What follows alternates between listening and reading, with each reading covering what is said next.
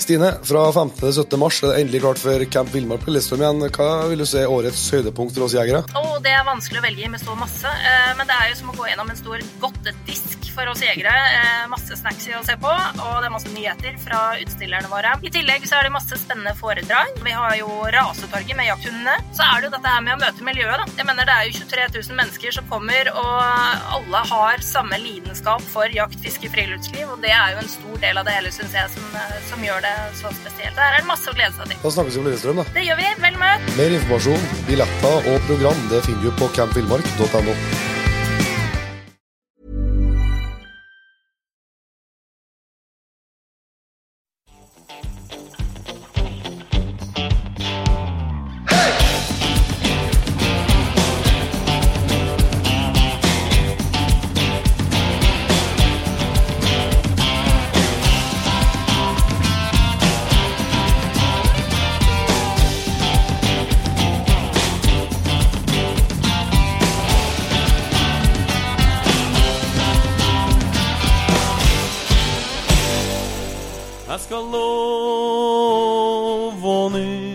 jeg skal alle snu. Ei dame ved navn Isadora vist vei, spannet gikk beint som en stav. Sinnet fikk smøring av stigende sol, og bannskapen tok sakte av. Vi kjører igjen glemte spor fra ei tid Isadora ligger like bak. I vårsola smeltende lys får jeg fri og reise med ryggen rak. For jeg er heim her, det rypsteggen klokke, jeg er heim her.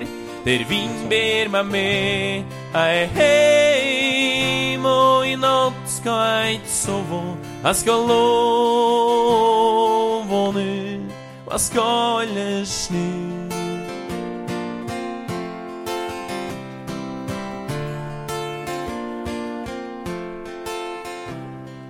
Grana lar hvitkjolen dett ned mot jorda. Vi står med dryppende hud. Fjellet og falene og dyrene og kvinna er det nærmeste jeg kjem Gud. Er det nærmeste jeg kjem Gud. For jeg er heimer der rypsteggen klokke, jeg er heimer der vind ber meg med. Jeg er heim, og i natt skal jeg ikke sove. Jeg skal love nu, ja, jeg skal love nu. Og jeg skal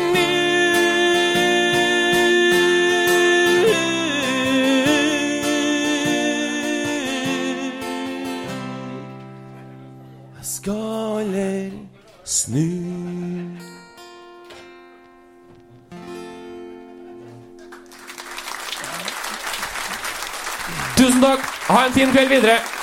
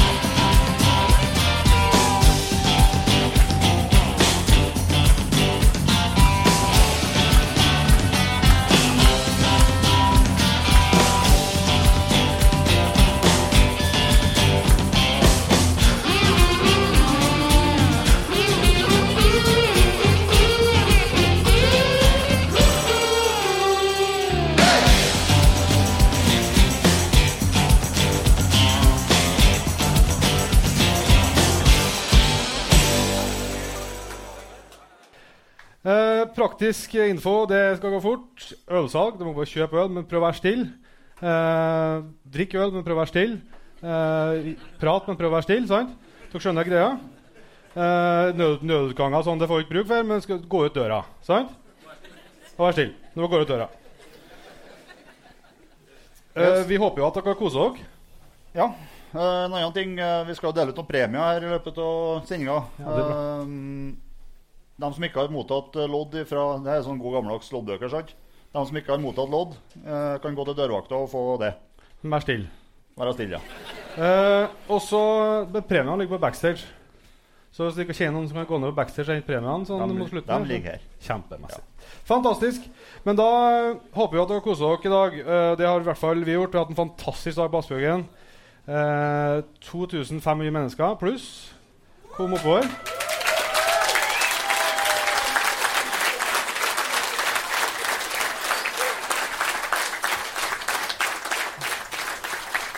Og det er masse folk i salen her som vi skal takke for at det har gått an. Men det er spesielt en som heter for Steinar Westerdal. Kan ikke du komme på scenen en tur, Steinar?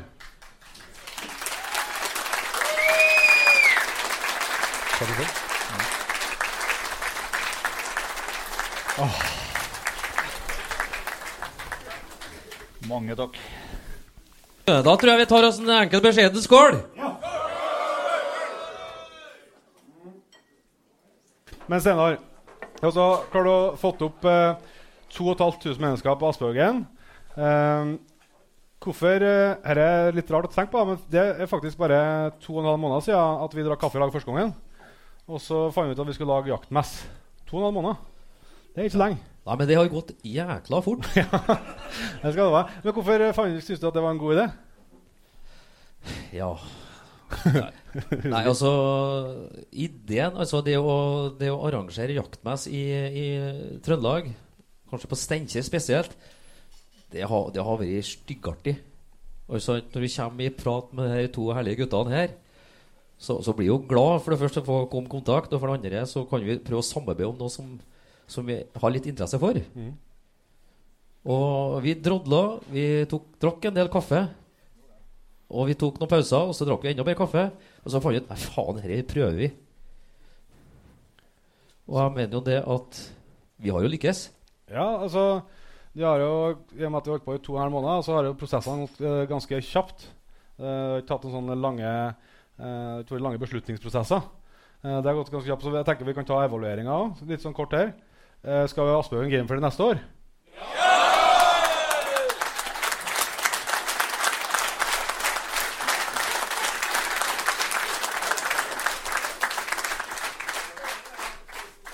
Da blir det.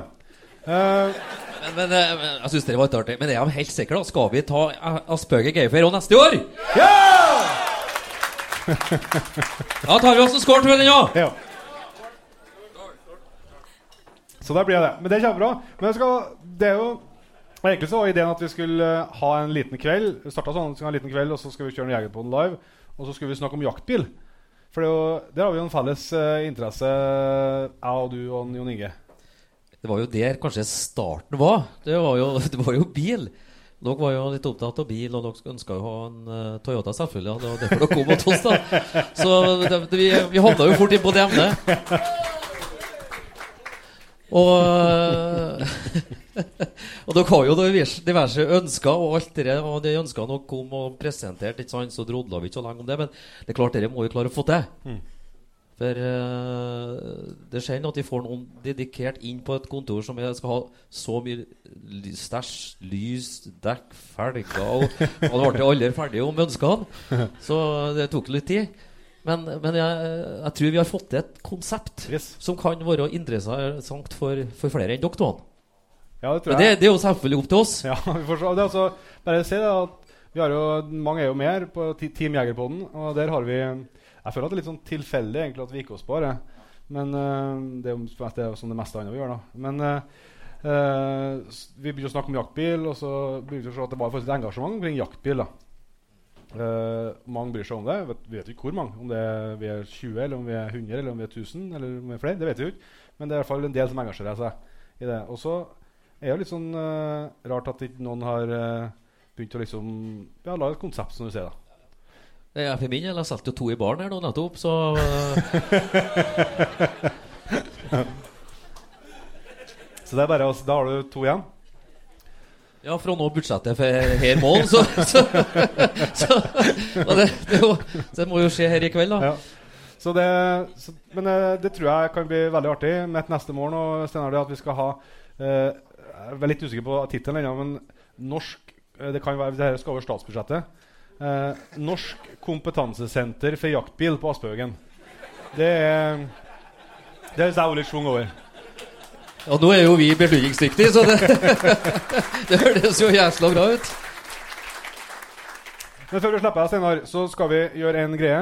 Vi har jo eh, selvsagt ikke fått dette helt alene. Vi har på oss utrolig mye trivelige, dyktige folk. Vi har Messinggruppa heter Ufrivillige frivillige. Eh, vi gikk stort sett gjennom dem som har kjøpt billetter. Og så Du skal jo ikke eh, Du skal hjelpe til, du. Så det er jo det er lodd i livet de har fått. da. Så jeg ønsker at uh, alle på Holberg og alle frivillige som hjelper oss, kan reise seg en tur. Og gi dem en applaus da, samtidig. da. En kjempeapplaus.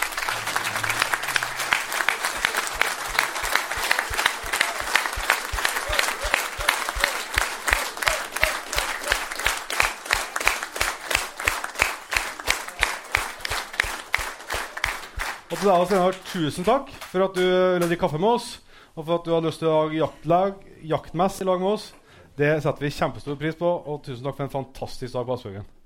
Sjøl takk. sjøl takk. Men jeg vil gjerne avslutte med en liten, enkel beskjeden skål. Skål.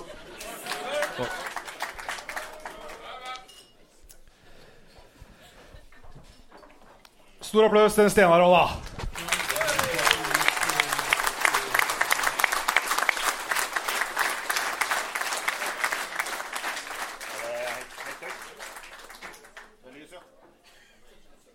Har du muta den? Ja. Takk. Vi, skal, vi har litt tid til å fikle med, faktisk. For at uh, vi har en uh, favorittartist i Jegerpoden som uh, kanskje noen har fått med seg etter hvert. Som har uh, selvsagt fått hit i dag òg. Fått hit hele helga. Vi digger jo rett og slett eh, Tobias Larsson. Og uh, jaggu skal han komme og spille for oss i kveld. Så eh, velkommen på scenen, Tobias.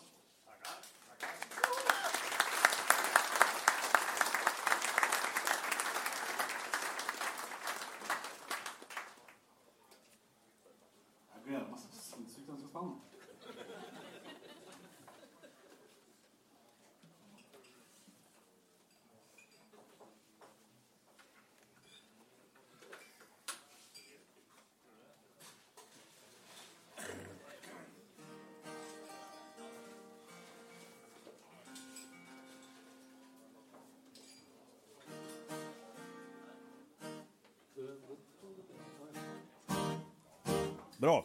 Der.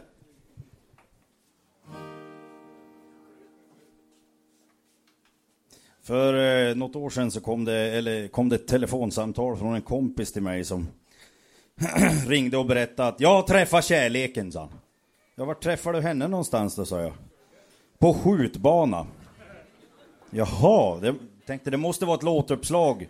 Så jag gick hem och funderade på det där ett tag och så tog jag med mig den där storyn ner till en kompis som jag spelar mycket med och han sa det att ja, jag tycker inte alls det är något märkvärdigt. Jag sa varför det? sa jag. Ja, man kan fan inte lättare få sig ett skjut än på skjutbanan, sa han.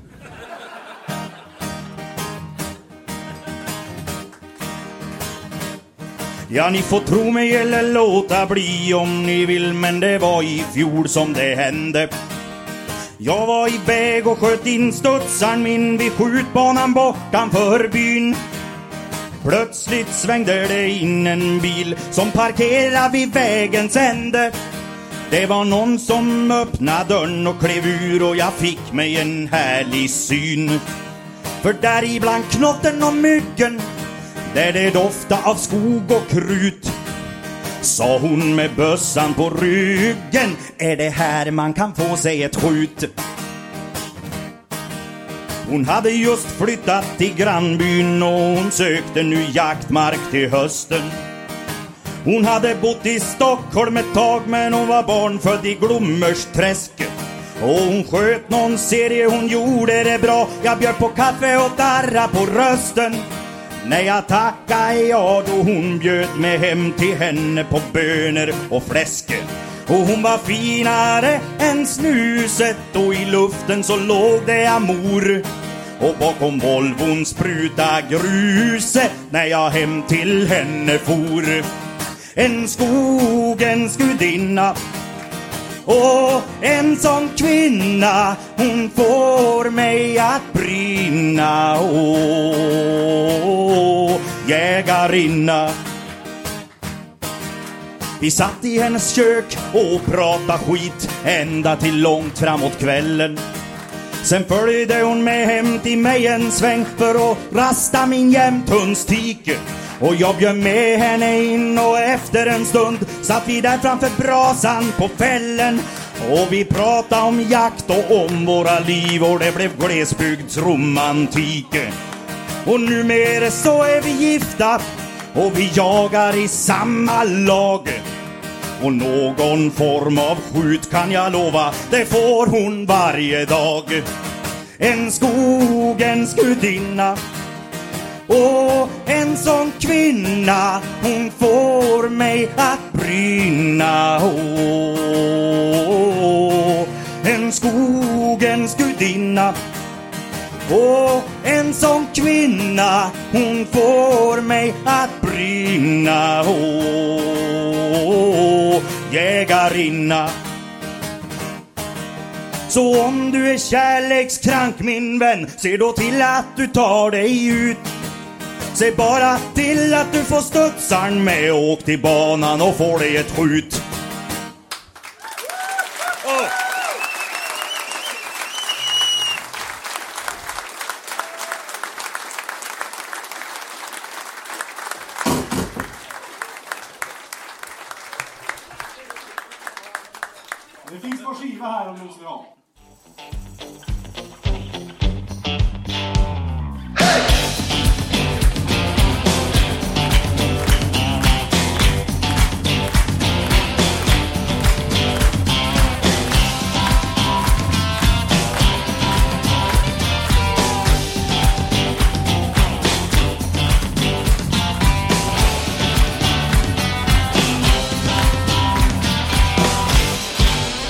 Ta vel god Petter Rasmus!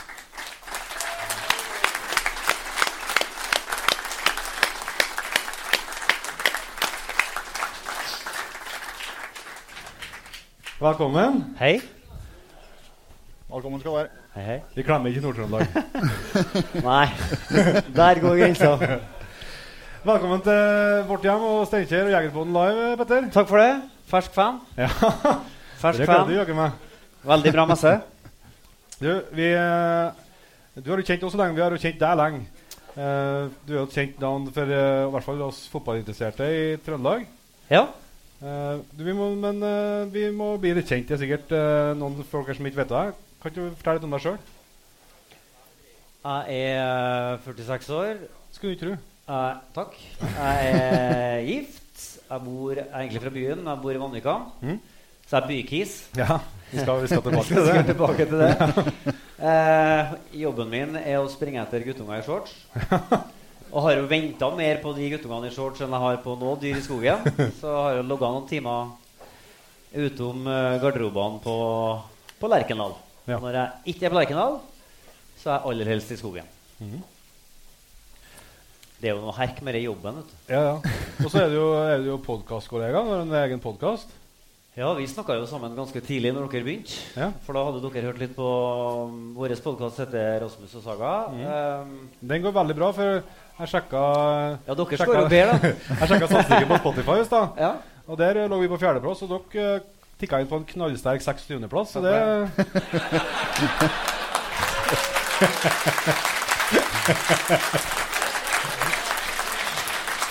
Ja, ja. Det er godt gjort, det. Det gjør som man ikke sjøl, det. Nei. Men uh, du var inne på uh, Har du lyd? Jeg vet ikke. Har jeg lyd nå? Hører dere? Yes. Du, eh, vi skal jo, vi skal jo eh, inn på jaktprat. Ja. Og eh, da eh, vil vi gjerne høre hvordan det starta på for deg.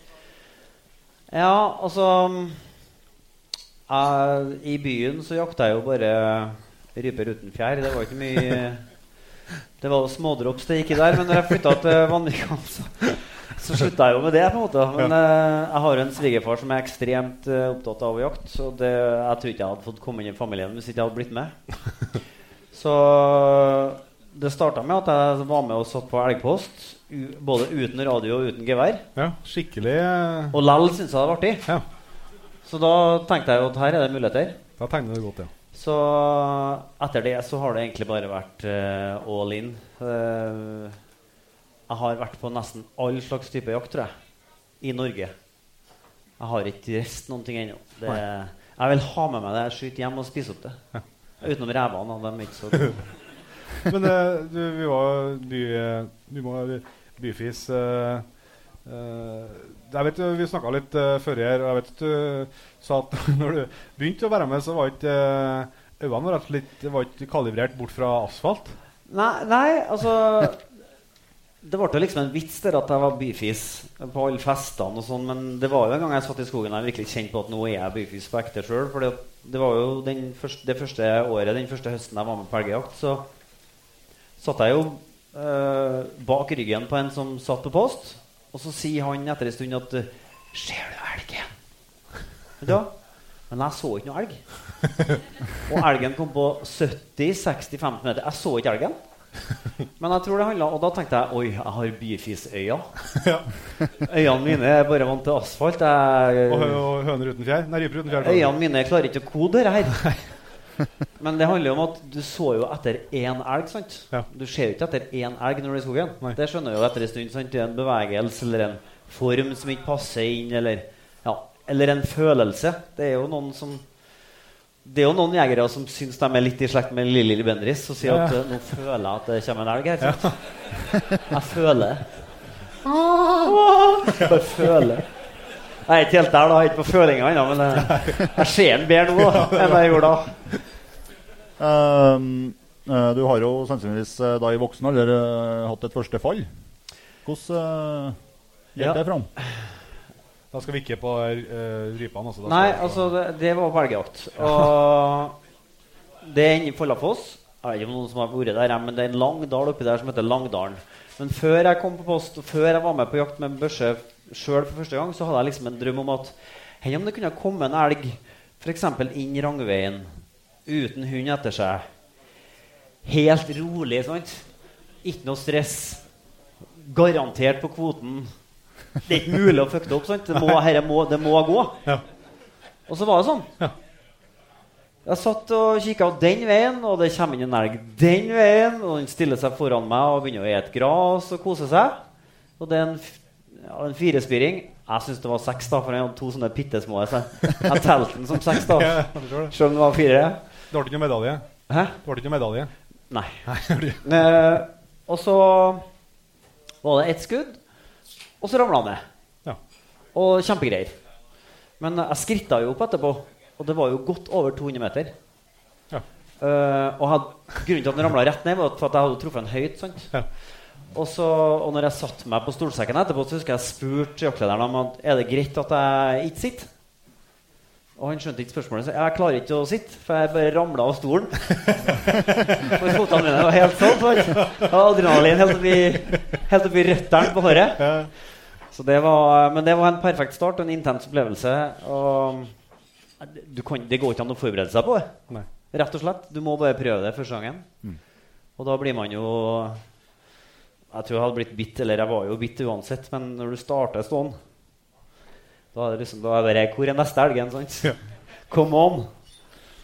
Uh, som dere uh, har fått på nå, så er jo dette en ordinær episode med en uh, gjest eh, som vi blir kjent med. Og da har vi eh, spørsmål som går på eh, hva du jakter med. Altså våpen og optikk og, og den historia der. Ja, det er mange som syns at Eller det er mange som, jo, det er mange som syns at jeg er litt jålete. Men akkurat på det jeg jakter med, det er ikke jeg så jålete. Der er jeg litt mer sånn uh, value for money. Og jeg jakter med en Tikka T3 Light i plastikkstokk. Som er Det klappes forsiktig. tilnærma vedlikeholds, vedlikeholdsfri. Ja. Tikka, tikka, tikka. Eh, og så har jeg en Swarovski 1,5 til 6,42. For jeg tenker at hvis elgen er for liten på seksgangen, da er den for langt unna. Så det har jeg, jeg føler at jeg har ikke noe mer behov for det. Og så har jeg sjølsagt lyddemper. Ja. For jeg er redd for ørene mine. Jobb, den gangen når jeg begynte, så var jeg jo ren radiomann. Da jobba jeg jo med lyd. Ja. Da er det kjedelig å ikke høre lyden. så da var jeg veldig opptatt av å ha lyddemper. Men eh, det er jo bruksjernet mitt. Siden det var en livepodkast nå, så hadde jeg lyst til å vise frem noe annet. For jeg har jo noe annet som jeg er mye mer stolt av. For at uh, når jeg ble 40 år, så uh, ringte faren min og så sa han, du, jeg har jo sett hvordan vei interessene dine tar, og sånn, og jeg har noe på loftet som jeg tror du kunne ha interesse av. Så han var og henta den her. Dette har jeg lært meg etterpå. Det heter en skinke. da. Altså? Altså et gammeldags våpenfutteral. Og jeg har også lært meg at det er ikke noe gunstig å ha våpnene i herene her. For at læret, garvegreiene på læret påvirker stokkene negativt. Jaha. Så når jeg plukka ut våpenet som lå oppi, etter hvert så var det, det var grønt og det var stygt og det var nesten litt møgla og sånn. Så jeg dro til en Svein Rogne. Sorry, Jørn. uh, og pussa opp det. Og da ble det sånn som Og da ble det sånn som herre. Og herre er jeg ganske stolt av. Jeg har gjort litt research. Dette er altså en Neptun. En Krieghoff Neptun. Det er den første lettvektsdrillingen som Krieghoff laga. Den er laga i 1939. Eh, kanskje dumt å si at jeg ikke har forsikra den, for det burde jeg gjort. Eh, for det, sånne våpen lages ikke lenger i dag. Nei. Og det er Jeg sa jo til Forsand tvert at jeg, jeg håper du skjønner at dette her, er- dette her er dyrt. Men sånn, ja, du skal få det likevel. Så det er 8 ganger 57 jodder, og så er det Føler meg veldig utsatt nå. ja, men Vi kan knekke det, og så slipper jeg å sitte sånn. Men gjør sånn, ble det bedre nå? Jättebra. Ehm, ja, nei, Jeg ville bare vise frem det, for det er jeg litt stolt av. Men eh, Det er jo satt i stand til å kunne brukes. Men eh, jeg har ikke hatt hjerte til det ennå. Men det er jo optimalt for rådyr. da Ja, jævla fin.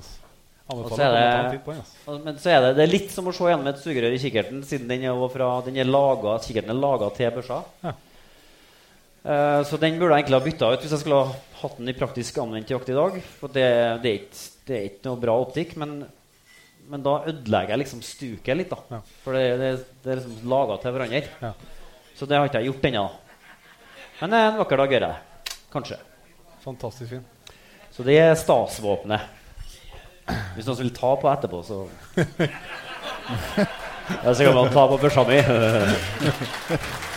Det er typisk at det er lett, lettvekt. lettvekt. ja. Det er veldig lett, men det er ganske langt.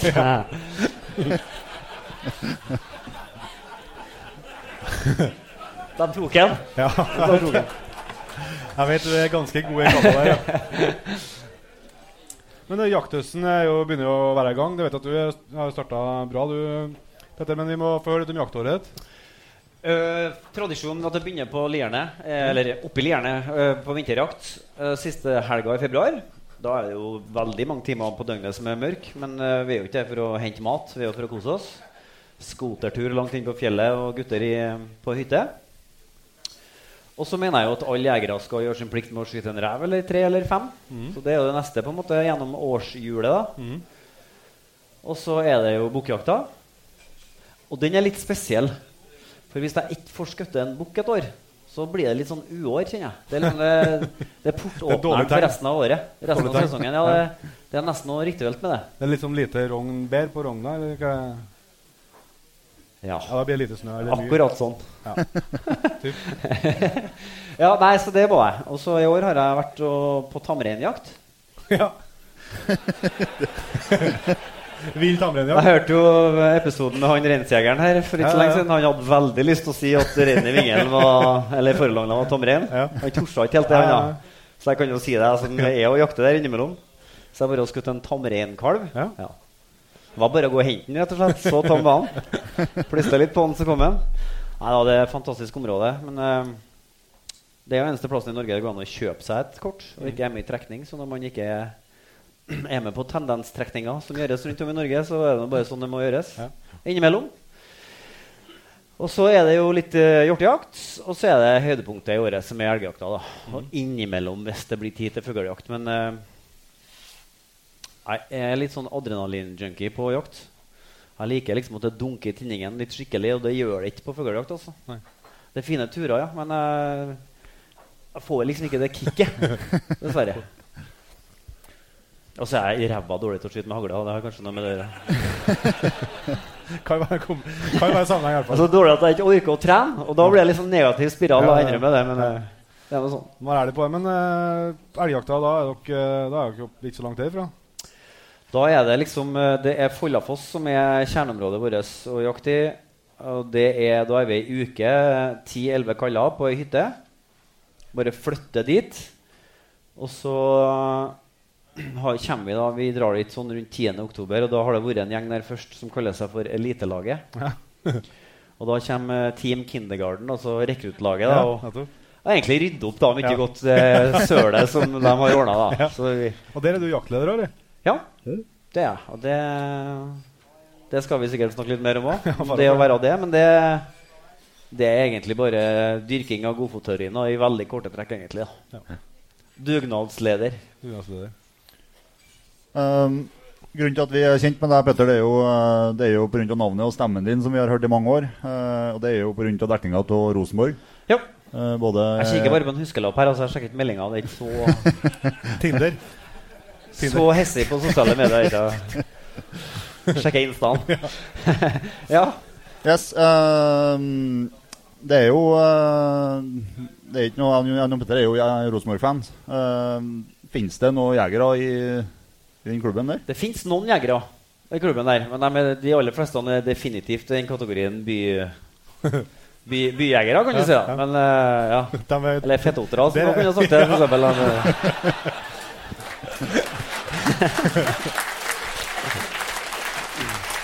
Jeg sier bare Hvis noen av døtrene mine kommer hjem og sier at 'Pappa, her hører de en fotballspiller', da låser jeg døra i neste tre månedene. ja, for jeg forstår Men er eh, der. det er noen jegere òg, da. Ja. Uh, Jørn Hjemfall er vel egentlig, egentlig jegeren av dem nå. Han er fra Hasselvika.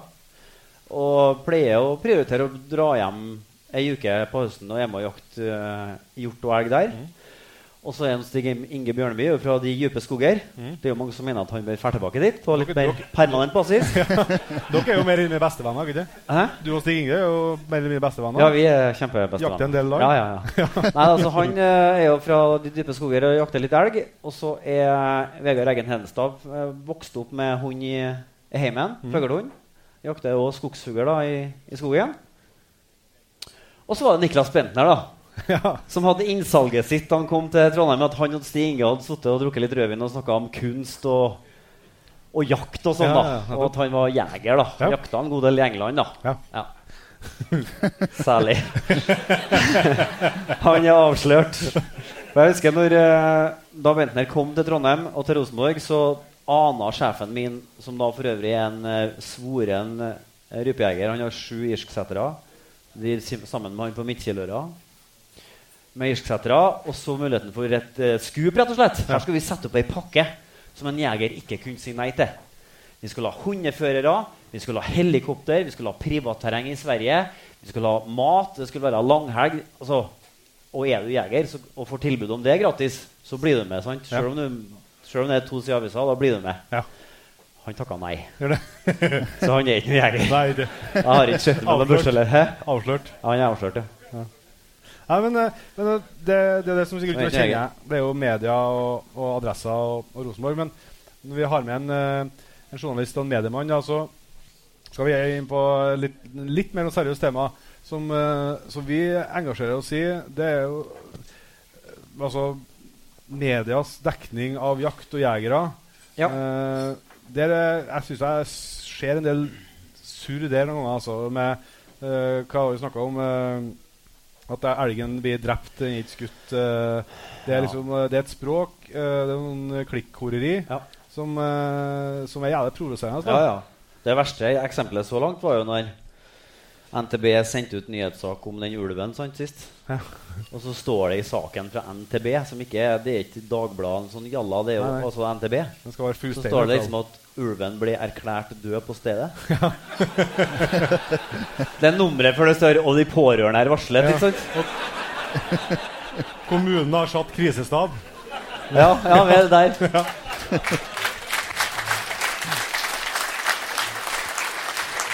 Men eh, Men det, det, det ligger jo noe litt seriøst i bunnen her òg. For Ja. det er jo sånn at kløfta mellom dem som jakter, og dem som ikke jakter, den blir bare større og større og bredere og bredere. Mm. Og forståelsen, spesielt hos dem som ikke jakter, som kanskje f.eks. bor i Oslo, for oss da, eller dere som bor på Steinkjer og på en måte har det som hele livet, Mm.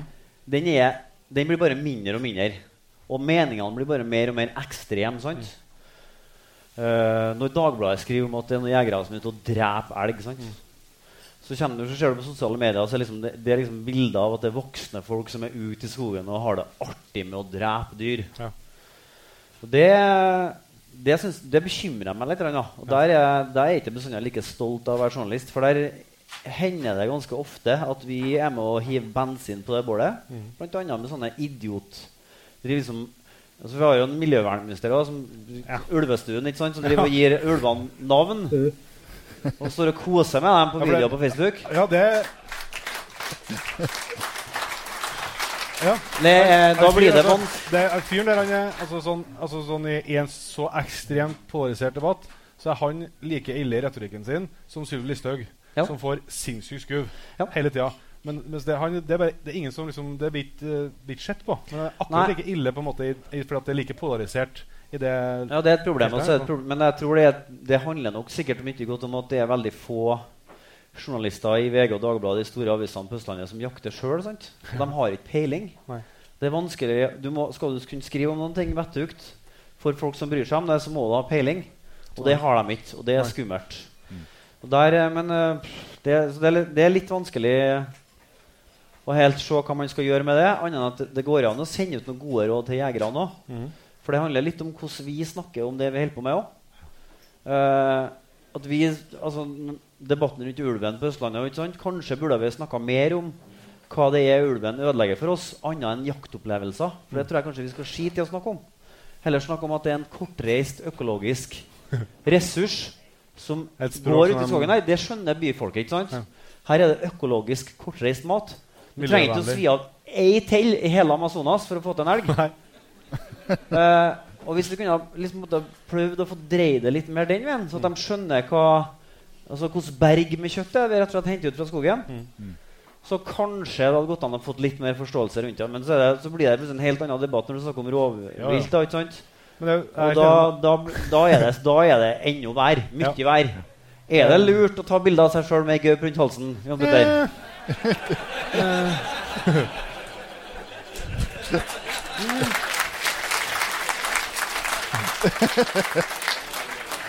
Hva føler du om det? Ja, jeg synes det er bare for å ta inn Vi planla første runde vi planla litt uh, hva vi skulle snakke om. Petter, så var bra. Vi satt og snakka på Skype, og så bare snakka vi om sosiale medier. Og sånn, så, vi, ja, men det er så idioter som tar bilder av seg sjøl med gøy på kjæresten. Jeg så en avisa i vinter her.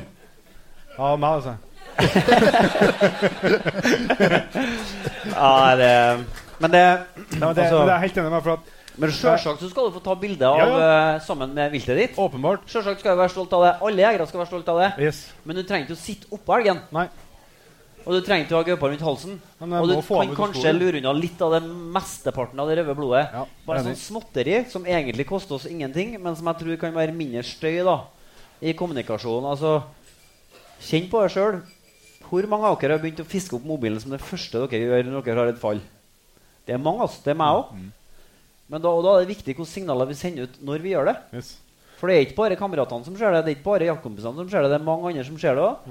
Så sprer det seg, og så er vi, da er vi med på å fyre fyre opp det bålet ikke sant, med litt Yes. bensin. For det, man, skal, det man skal tenke på her, tror jeg, det at mm, Det høres jo sånn instinktivt så provoserer det litt å tenke sånn. At det skal være sånn. sant? For meg som jeger. Ja, ja. Men det som men det hvis du ser, liksom, prøver å se hele bildet, så er det sånn at uh, det er ca. 5% av befolkninga som jakter.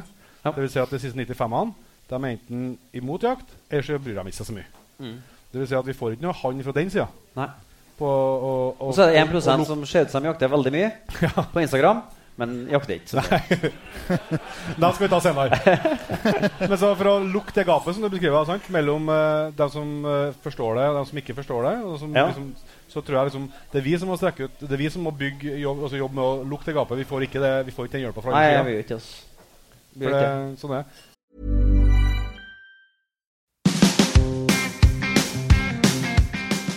Stine, fra 15. til 17. mars er det endelig klart for Camp Villmark på Lillestrøm igjen. Hva vil du si er årets høydepunkt for oss jegere? Oh, det er vanskelig å velge med så masse, eh, men det er jo som å gå gjennom en stor godtedisk for oss jegere. Eh, Masse snacks å se på, og det er masse nyheter fra utstillerne våre. I tillegg så er det masse spennende foredrag. Vi har jo rasetorget med jakthundene. Så er det jo dette her med å møte miljøet, da. Jeg mener det er jo 23 000 mennesker som kommer, og alle har samme lidenskap for jakt, fiske, friluftsliv, og det er jo en stor del av det hele, syns jeg, som, eh, som gjør det så spesielt. Der er det masse å glede seg til. Da snakkes vi om Lillestrøm, da. Det gjør vi. Vel møtt! Mer informasjon, billetter og program det finner du på campvillmark.no. Men sosiale medier, da? Ja. Du, du åpner jo døra. Ja. Er det Det skjer jo eh, Vi er jo aktive brukere av sosiale medier hver dag uh, rundt Jegerpoden og syns jo det er utrolig artig. Men uh, det er jo en, det er jo en ting som er bevegelse der. Altså, det er jo et eller annet med du sier at uh, det liksom kan oppleves som det er viktigere å få ut et bilde av det dyret man har felt, enn å nyte opplevelser. Ja, altså, ja, det er sånn. Det er nesten sånn at uh, Altså, vi er ikke der, da. Men uh, det er nummeret før det må innlemmes i instruksen til jaktleder. Også. At uh, Ro ned litt på mobilbruken. Ja. Fordi at uh, innimellom så kan det være ting du ikke ønsker å kommunisere sånn umiddelbart òg. Når vi er på jakt, så kan det skje ting. Og da kan det jo hende at det ikke er bestandig så lurt å kommunisere det ut til verden før man sjøl har fått ordna opp i saker og ting. Eh, det kan være mye rart, det. Det kan være ettersøk. Det kan være uh, Ja, altså det skjer Ja, på jakt skjer det ting, rett og slett. Og så er, men så er det jo Det er nesten for lett, da. Men det går an å fleipe med mange av dem som er veldig hissige på Instagram. Men uh, jeg skal prøve å la være. Ja, ja, ja. Det, det er en lang kveld. Eh, vi skal ikke la dette bli altfor seriøst. Vi skal fyre opp stemningen litt igjen. Vi har jo satt stor pris på dekninga di av Rosenborg. spesielt en semifinale i cupen i 2010 mot uh, Follo. Nå kom jeg på en ting, forresten. Ja. Jeg kan si, ja, for, for når du begynte å skulle snakke om video Ja. Du viste jo en video her i sted. Det er jo et herlig Ja, ja, ja. kryssklipp. ikke sant? Ja. Hvor du sier at 60 000 jegere har gleda seg til denne dagen. Ja, så det er ty- Liksom Jegerpodden, sant? Ja, 60 så 000. så det er sånn fake news Men det handla jo ikke om det. Det handla jo om at Adressa sendt live fra jaktstarten ja, for tre-fire-fem år siden. Ja. Elvran re- rett opp fra Hell mot uh, opp Nedalen. Ja.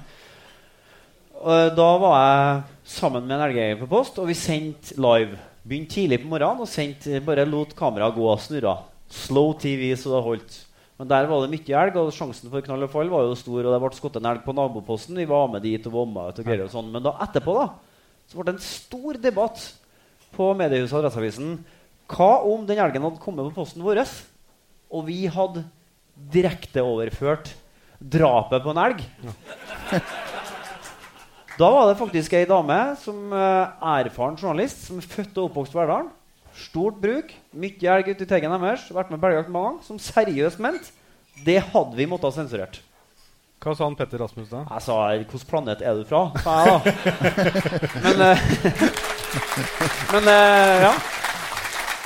Ja. Jeg syns allikevel at den, når det kom fra hun da, så fikk det meg til å tenke litt. Da. For, for det, pff, ja, jeg vet ikke helt hva vi skulle. Det var jo, vi hadde ikke noe vi hadde snakka om på forhånd, rett og slett, så vi hadde jo kommet til å sende det rett ut. Jo, jo. Men det ble jo ikke sånn, da. Nei. Sorry, liten digresjon. Nei, det går bra. Uh, vi skal se det klippet som vi snakker om her. Uh, så du kan jo begynne å lete opp det, Lyman. Så det har jeg klart. Skal det her, eller? Det skal dit, ja. Må jeg flytte meg, kanskje? Nei, men om det tror altså, den, her, her er det lyden Ja. som er viktig, ikke, ikke selve filmen. eh, for den er ikke veldig bra, den fotballen som spilles der. Finn eh, Skogmo får lagt inn foran mål og så Det er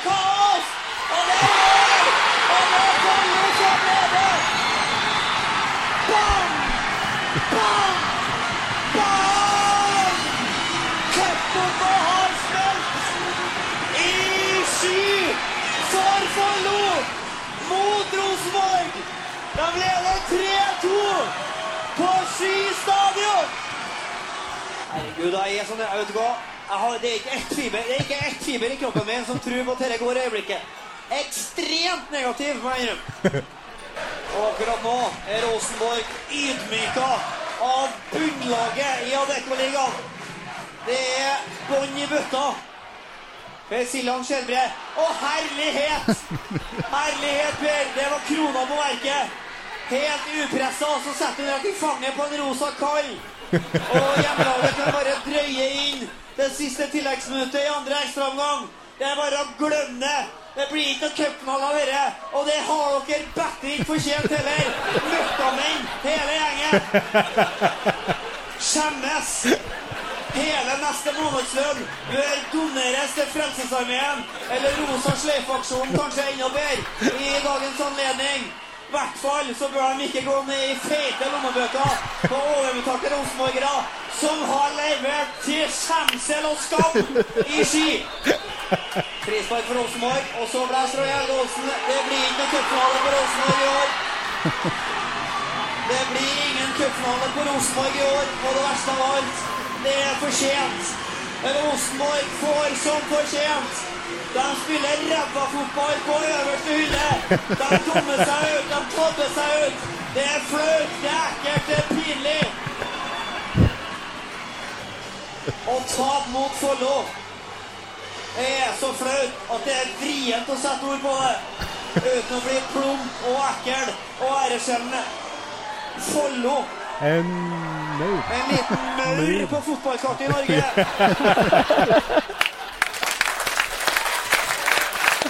Og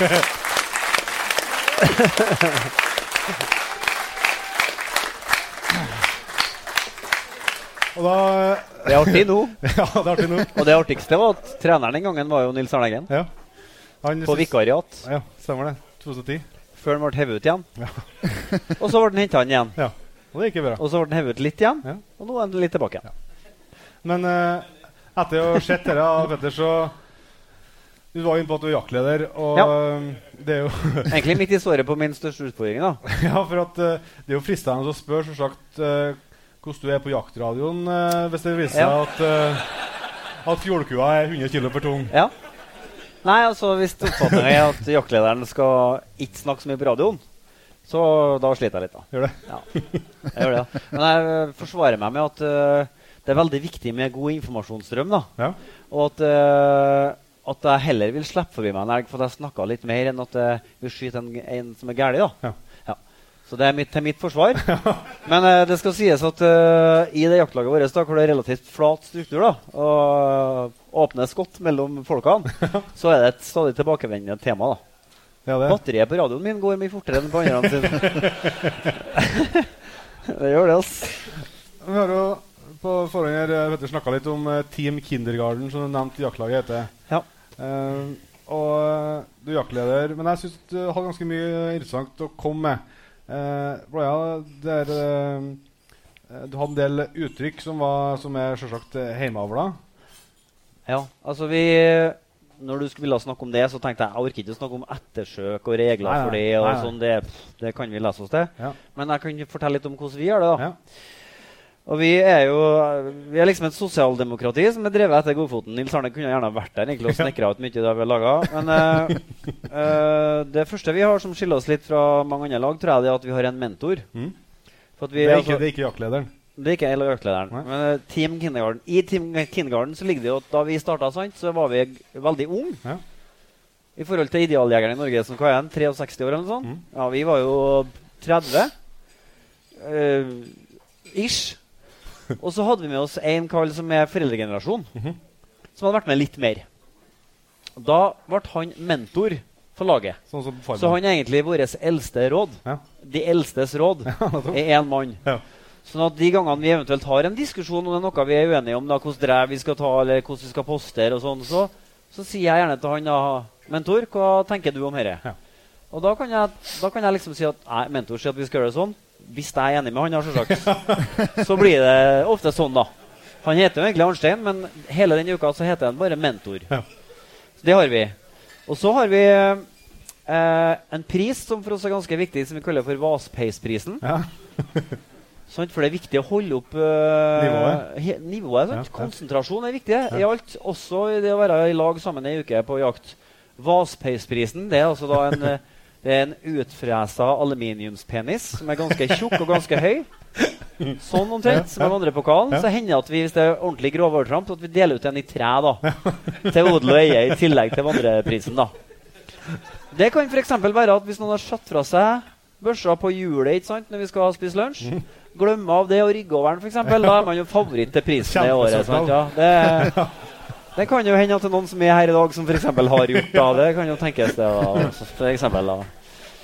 Og så eh, Fordeling av poster, der er det jo 1000 varianter. Jeg har jo vært, vært, vært gjest til noen eh, Jeg har vært oppe i Neadalen hvor de trekker eh, pinner. ikke sant? Og Noen har kuler med nummer på.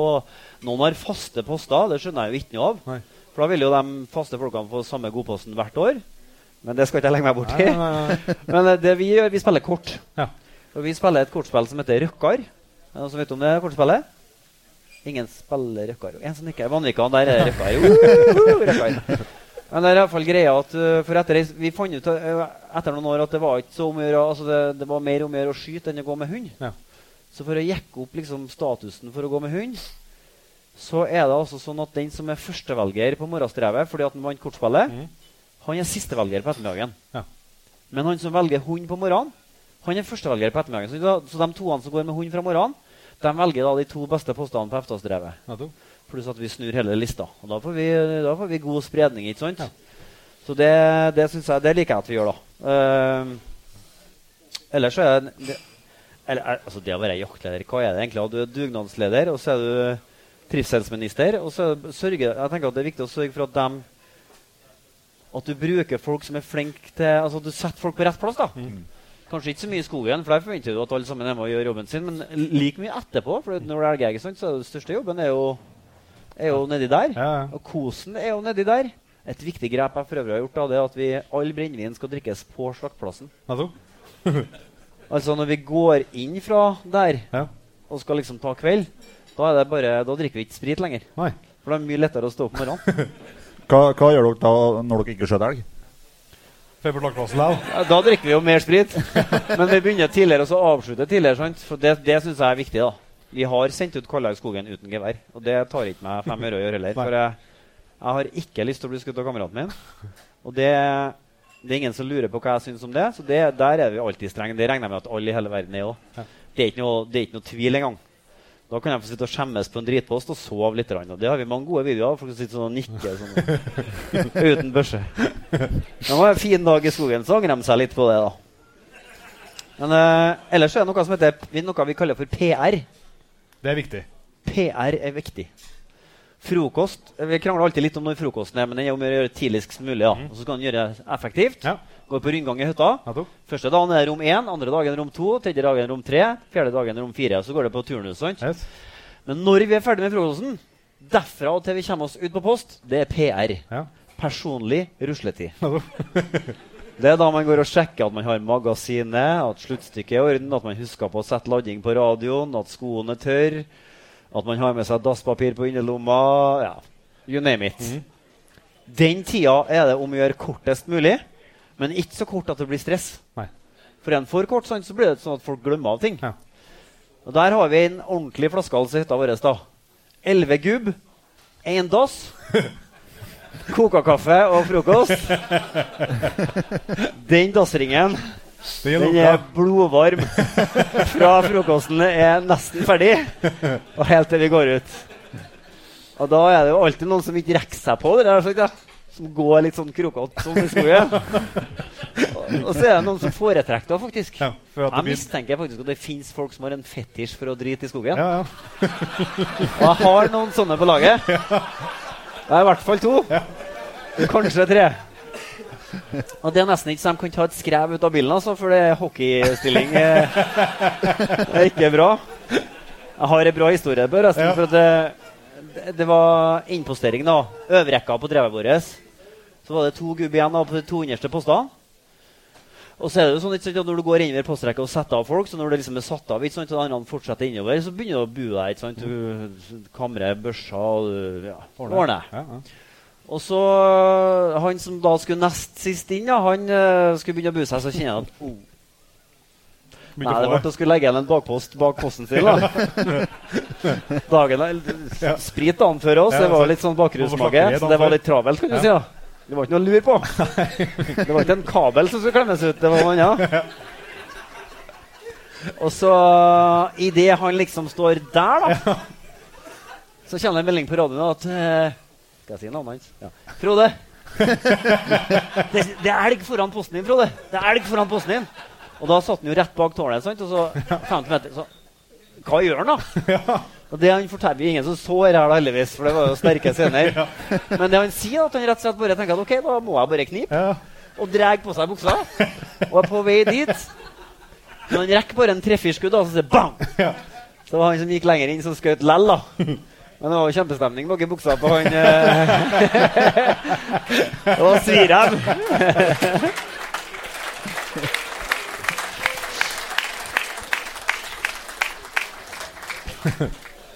Er det flere spesielle regler du vil eh, Du har som tips, eller? Nei, egentlig ikke. Vi altså, jeg syns egentlig at som jaktleder så er de mest intense minuttene Det er fra, det er fra når skuddet går. Altså ikke til meg sjøl, men hvis sånn, ja, du drar ut på post, setter jeg ut, så hører jeg at det er dyr i drevet. Så skjønner jeg at det går mot postene, og så smeller det. Og de, ja, Det trenger ikke være minutter engang. Noen ganger kan det bare være sekunder. Derfra til det kommer en beskjed på radioen om at uh, ja, skotte, skottet, den ligger. Det, for meg som jaktleder så synes det er de mest intense minuttene i jakta. For det første så er jeg glad for at den andre har fått muligheten til å skyte. Det er det første jeg tenker. Det andre og det tredje og det fjerde som jeg som regel rek rekker å tenke, det er jo aha, enn om den ikke ramler, hva gjør vi da? Og det er litt sånn øh, Den beskjeden om at liksom, alt er i orden og her er det greit, bare fortsett, det, den er like god hver gang. For at, øh, det er noe med det ansvaret Det er egentlig da jeg kjenner på et ansvar. Og egentlig bare da. Ellers så er det er ikke jeg noe annerledes enn noen andre i laget. Nei, men det er jo Trenger ikke være det. for Vi er, vi er gode til å snakke sammen. Vi har snakka mye sammen. Og jeg tør påstå at laget mitt er en av de beste lagene i verden til å skyte i forhold til kvote. Vi skyter aldri feil. Nesten aldri. Nei, så å si. Men uh, Ja, det Nei, men jinxing her, ja, ikke det? Men det er jo det, å ha en god jaktleder er jo jævla avgjørende.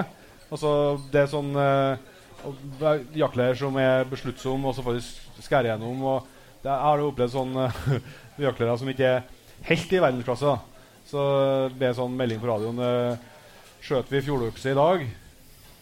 Og så går det ja, 15 sekunder, og så kommer lakteren, så Ja, det må være litt opp til hver enkelt. Og Da er det jo liksom ikke så jævla enkelt å få det til rett. da Nei. Så det er jo jævla avgjørende at man faktisk eh, både man snakker lag foran men er i stand til å treffe slutninga. Ja. Vi har ett, et har lite skjønnsmonn. Det er, der vi jakter, så er det ikke noe forskjell på altså, Det er lilleokse eller storokse. Det, er det går ikke noe på spir i hele tatt. Og da kan det være sånn at vi sier at ok, vi har igjen en storokse på kvoten nå.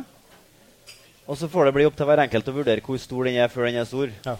Og da er det ikke noe dårlig stemning hvis det er en som ikke har skutt storokse før, skyter en sekspiring. Nei. Men hvis jeg gjør det, eksempel, som har skutt en tispiring, eller noen andre som har skutt noe større, Mm. på en måte banker ned en litt liten en, da kan det bli litt dårlig stemning. Ja. Men eh, akkurat der er litt sånn vurderingsmåten, for vi, vi, er nå, si på jakt. Ja. Så det kan jo være at vi sparer den sekspiringen, og så kommer ikke en annen. Jeg vet at mange her syns dette er teit, men til oss er det ikke noen regler om spir. da. Og da noe, Vi jakter nå på de reglene som er. Sant? Så har vi en ting til når vi snakker om lagsjakt. da Det er masse vi kan snakke om, men, men det er jo eh, nabolaget. Nabolaget, ja. Fienden. ja. Det, det er jo jævlig fascinerende. Altså, jeg har ikke fått vært med ganske mange plasser i jakta. Og liksom er en ting jeg føler går igjen, da, så er det liksom at nabolaget det er idioter. De skjøt feil, de roter, det blir skarskjøting, Det er bare surr med nabolaget. Og så har jeg følt at jeg Det følt- stemmer jo, det. Ja, ja, for all del. Men jeg har jo følt at jeg har vært med på så mange lag etter hvert at hvis det stemmer at alt i nabolaget er sånn, så er, er jo alle jaktlag sånn, da. Ja, men det er jo mye idioter. Nei da, men eh, jeg ble jo innlemma med det at uh, vi kalte jo bare naboen for Fi. Alle naboene het Fi. Jeg visste ikke hva de het. jeg. Fi. Sant? Det var militært Ja. fienden. Men så blir, er det jo sånn at uh, det, hvis det blir, sånn, ja, det blir et ettersøk, og du liksom må ta kontakt med dem, og sånn, så det er jo ikke sant. Det er jo ikke sånn. Det er jo, skogen er jo full av trivelige kaller. Du må bare prate med dem, og så funker det. Så det, det, er, litt, det er en liten klisjé, da. Syns jeg. Ja, det synes jeg. Og så ja, er det fascinerende, for ofte er jo folk som kan være folk som kjenner hverandre godt òg, som er gode venner. Fra, se fra fredninga fram til 25. september. Og så 25. utover så blir de eh, Så er, er de faen ikke brukende til nå. Så det er litt eh, Så det, det tanken med å snakke om det, at en oppfordring til å liksom være noe trivelig med naboen. Da. Ja. Enig. Kan ikke se for meg at den er mye oppi her hvor det er utrivelig. Nei, nei men det er litt Vet det har jeg tenkt på. Jeg tror at jeg var nordtrønder i mitt forrige liv. For eksempel, det beste jeg pleier å si til noen når jeg er i Trondheim, så, så sier jeg eh, kan du, du må jobbe i helga. Nei, jeg kan ikke, for jeg skal inn i de dype nordtrønderske skoger. Det sier jeg, det, er- det er det beste stedet i verden å være. Men det er jo øh, ja, men jeg, jeg tror at det, det er litt, som vi, litt for å throwback til med, med media, sånn, så er jo helt avhengig av at uh, vi jegere i hvert fall ikke kaster skitt mellom oss. Sant? Og det går jo på det med nabolaget. Ja. Altså, vi må i hvert fall uh, rekke ut en hånd til nabolaget Ja. hvis det skal, vi skal ha sjanse til å, å styrke posisjonen vår i samfunnet. Det var to stykker i Nå var jeg jo på reinsjakt, som sagt. Da. Der var det to stykker jeg hadde litt lyst til å Litt lyst til å røske tak i. da. For jeg kom ut i terrenget litt seint, og så er det som på reinsjakt at uh, den som til enhver tid er nærmest flokken, har førsterett. Yes. sant? Og så så vi jo rein nordom oss. Jeg hadde søkt opp i høyden for å ligge og speide. Og så ser jeg to gubb som drar nedi dalsøkket der, da. Og ser ut som de driver med VM i veistøkking. at, øh, når du er på Det var helt håpløst. Jeg lå hele dagen og kikka på kikkert. Og de, det var fire små flokker foran oss. Og de drev og så sprang frem og tilbake i dalbunnen sånn. Og så til slutt så var det én stor flokk som bare feis av gårde. sant? Jeg kunne jo tenkt meg å springe etter dem og så reve kjeft. Men når jeg kom tilbake på parkeringsplassen, da, så kom han igjen. Ja. Og så tenkte jeg nei, jeg gidder ikke å snakke med han. Så jeg var jævla busy. da. Så Jeg drev liksom og holdt på med ting i bagasjerommet Ja. og så ikke på han. da. Nei. Men så til slutt så ble det, det ble for dumt. sant? To kaller på en parkeringsplass langt fanken oppe i fjellet. Du, det går ikke an å late som den er usynlig. Så det ble på en måte å si hei, da. Ja. Han var jo trivelig, han òg. Helt utrolig. Han var dårlig jeger, da, men han var trivelig.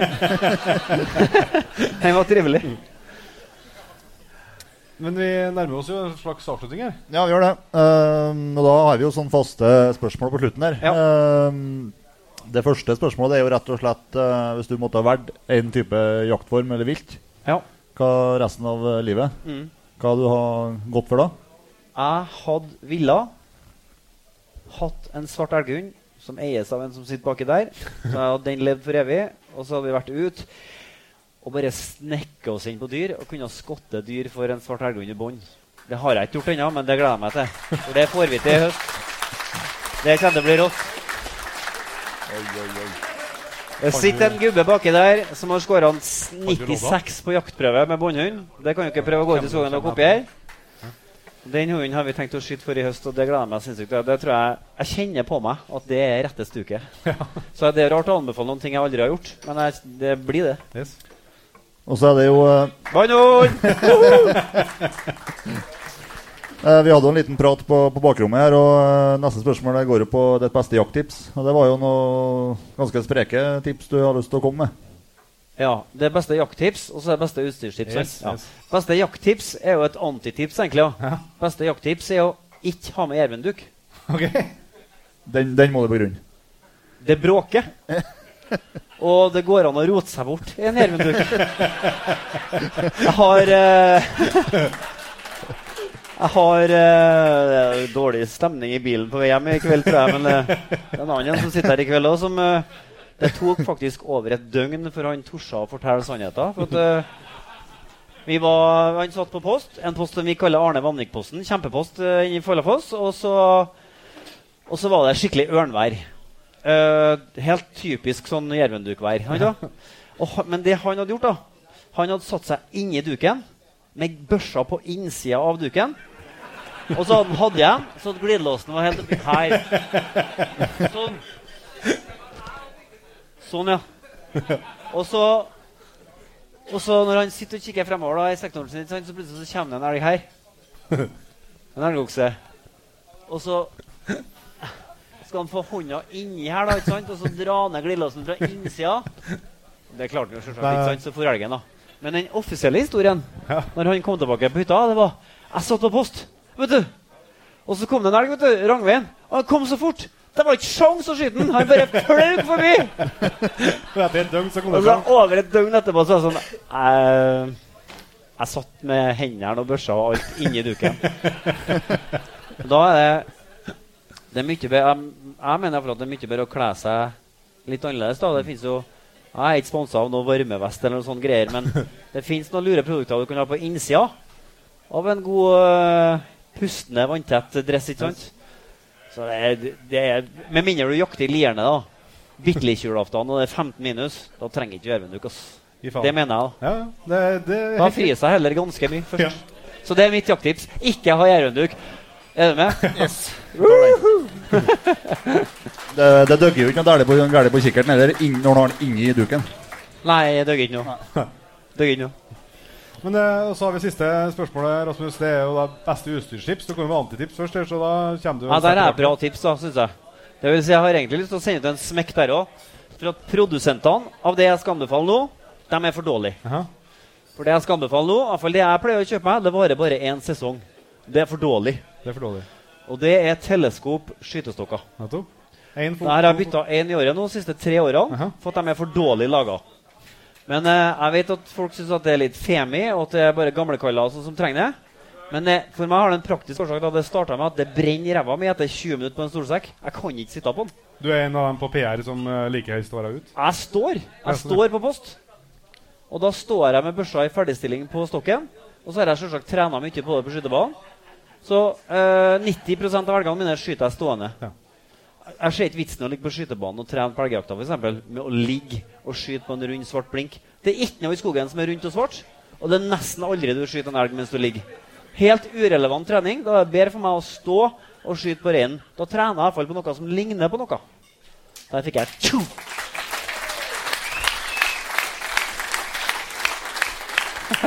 Fantastisk. Og så eh, har vi jo selvsagt litt forventninger til eh, avsluttende punktet med jakthistorie. Ja.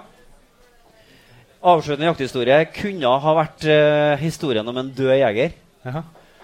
Uh, den største elgen som er skutt på jaktvallet vårt eh, noensinne, er en 17-spiring. Ja. Den ble skutt på et tårn som heter Protesttårnet. Der, eh, det ble kalt for Protesttårnet for det var høylytte protester når det tårnet ble plassert ut.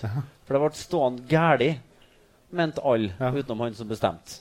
Så det viser seg at det står ganske bra lell, altså, Ja. men det heter Protesttårnet. Og en veldig rutinert jeger og god venn av meg som, skjøt, som heter Jale, som skjøt uh, den 17-spirs oksen, som oppførte seg litt rart etter at han skjøt den, for han ramla rett ned. Og så begynte han å spinne rundt seg sjøl, liggende i myra.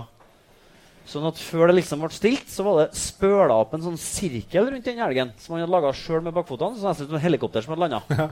Men til slutt så ble det stilt. Og de gikk frem. Og når du har skutt en 17 spirs okse, da tar til og med pensjonister bilder av seg sjøl. Sjøl om de nesten ikke har smarttelefon engang. De gjorde det. Eh, tok bilde og kjempestemning. Og, og han har fortalt meg ettertid at de var inne på tanken om å sette seg oppå nå, for den var så stor at de ville liksom legge børsa over gebyret og liksom kjøre skikkelig harrybilde som ikke jeg liker. Men de, men de ble ikke så de gjorde det. da Så de satte fra seg børsa, og liksom de begynte å bue seg på Vommut og sånn. Og sto med ryggen til, og sånn Og så plutselig bare reiser oksen seg og springer. Og så springer han bort på naboposten, som heldigvis får skutt den, han kommer rett imot den, så han skyter den midt i stjerna, og så dør han. Ett skudd. Og det som viser seg, er historien bak det, det der. Det at den elgen ble skutt i geviret Ja. på det første skuddet. Svima. Så den hadde et høl midt gjennom fjøla, ganske langt ned, ned mot stanga. Der var det et høl bent gjennom, og da hadde han rett og slett bare blitt så tullete i hodet at han til slutt da bare dang, mista bevisstheten. Han var ikke død, han var bare bevisstløs. Og tenk deg det synet. Hvis Hvis han en kom jo oppå. 62 år gammel kall hadde sittet oppå, oksen hadde reist seg, og så bare Hæ?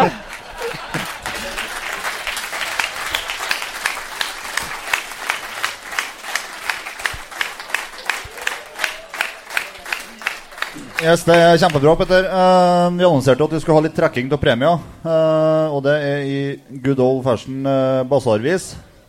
Der, vet du. Her har vi. Du kan jo bare ta av trekkinga. Du ikke? Tause Birgitte. Jeg har ikke noe lodd, da, så jeg kan trekke. Du kan trekke. Jeg fikk ikke noe lodd. Fikk bare genser, jeg. Jeg kan ta, jeg, jeg kan ta meg av eh, trekkinga. Ja. Annonser hva som er første premien, da.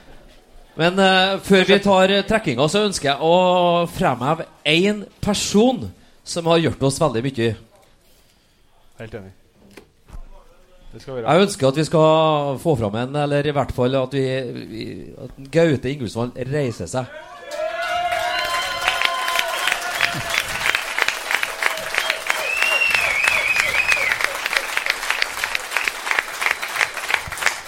Jeg syns han skal få lov til å trekke òg. Men eh, på tur hit så ønsker jeg at vi skal ta en skikkelig enkel, beskjeden skål. Skål! Da prater du som har lyd. Første premien er fra Nordmark. En eh, Blackmus jaktradio. Bakmus. Jakteradio, sa du? ja, bakmus. Det er Hvilken farge er det, da? Aktiv fargeblind. Er grønn, tipper jeg. Grønn eh, Birger nummer seks. B6. Grønn Er grønn, da? Er ikke blå? Grønn? Er alle jo grønn? Ingen? B6. Hei! Sjølsagt helt bakerst. da får du det etterpå. Takk til Nordmark. Ny premie. Ny premie. Du skal ordne ny trekking? hvis det er. Vi tar, vi tar en trekking til. Da er det en uh, Nevelos grabbag fra eh, Hagemo Jakt og fritid og Norma. Her ser det grønt ut igjen, ja. Da er vi på Du kan få lese det, Petter. Hei på lese, du. Så så, så, så Eh. B32. B-32! B32. Birger 32. Der har du vinn, vet du. Da får du den etterpå, du òg. Gratulerer. Tusen takk til Hagemo og Norma. Ta det etterpå. Og så er det siste premien. Det er en uh, Size Terra uh, ED Pocket uh, kikkert. Fra Size og Hagemo. Nei, en grønn hele gangen nå, du. Bare bare grønn dere. Det var blå, ja. da er vi på Birger 61. Der har vi. Nei, fy faen. Gratulerer, og tusen takk til, til firmaene som har stilt med premie. Vi skal begynne å runde av, men eh, før vi gjør det, så skal vi sjølsagt ta opp vår venn Tobias til en eh, fantastisk sang. En sang som uh, har, ikke har noe navn, ja, Tobias, men vi treftes jo på Westgård i sommer. Eh, og da var jeg på et nivå sånn at når jeg prata med deg før at vi skulle spille den sangen, sa du Jeg hadde såpass promille at du sa du, 'Den sangen kommer inntil du i håg'. Sa du. Nei, gjør det. Og jeg gleder meg veldig til å høre den igjen.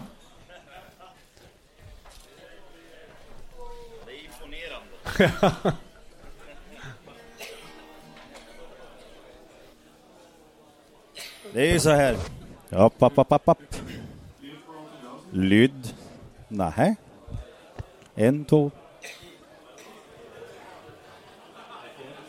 Den er på. En, to. Nej, där. Det är ju så här att eh, vi har ju...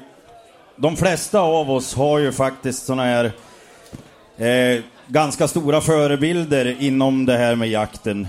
Eh, ofta lär man från far till son. Ofta eh, har man någon i närheten som man lär sig utav. Och om inte annat så blir det att under vägen så skaffar man sig någon förebild just inom jakt.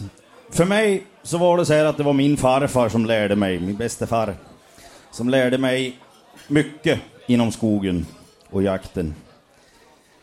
Och eh, tyvärr så gick han bort i, för, i fjol. Och eh, ganska samtidigt så dog även en eh, kompis pappa. En väldigt nära jägarkompis till mig. Och eh, det blev liksom lite, ja, det, ble, det blev lite tungt sådär.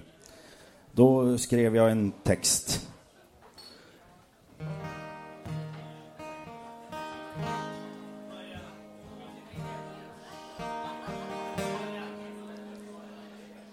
Farsan han har gått och jag är kvar Nu lever han sitt liv som i flydda dagar. Ja, nu så är han borta, han som gjorde mig till kar. Farsan, han har gått och jag är kvar.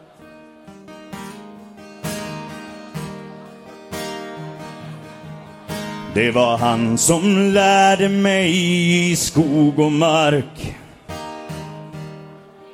Och som jag såg upp till karn som var så stark. Ja, den bilden, ja, den sitter kvar som etsad på ett ark. Det var han som lärde mig i skog och mark.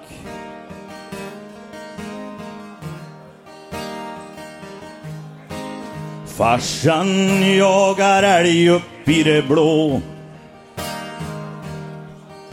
Han fick det nog så bra som någon kan få. Det är något jag måste tro och det är något jag hoppas på. Att farsan jagar älg upp i det blå.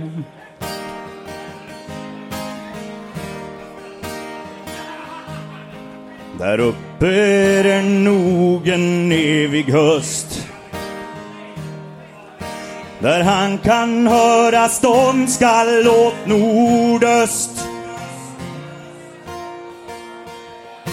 Där han får fred för längtan i sitt stora bröst. Där uppe är det nog en evig höst.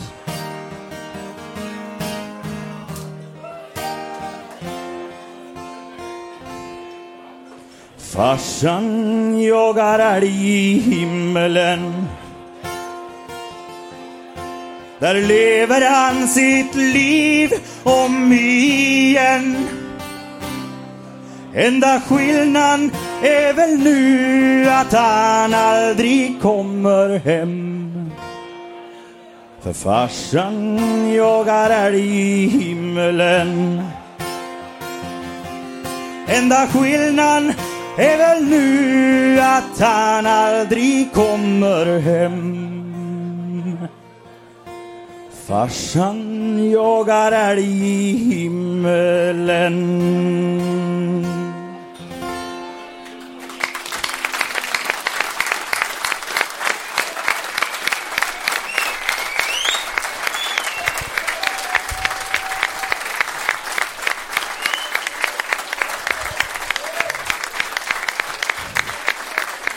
Tusen takk, eh, Tobias.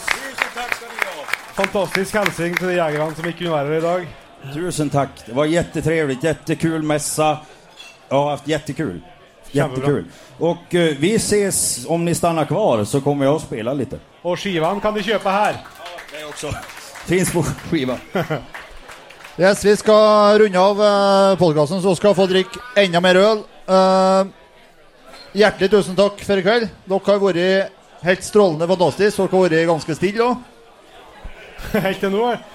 Tusen takk. Kjempeapplaus til Petter Rasmus! Fantastisk levert. Takk, takk.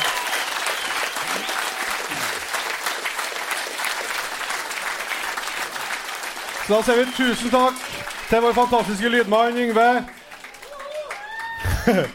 tusen takk til alle som hjelper oss i dag på Aspbøgen.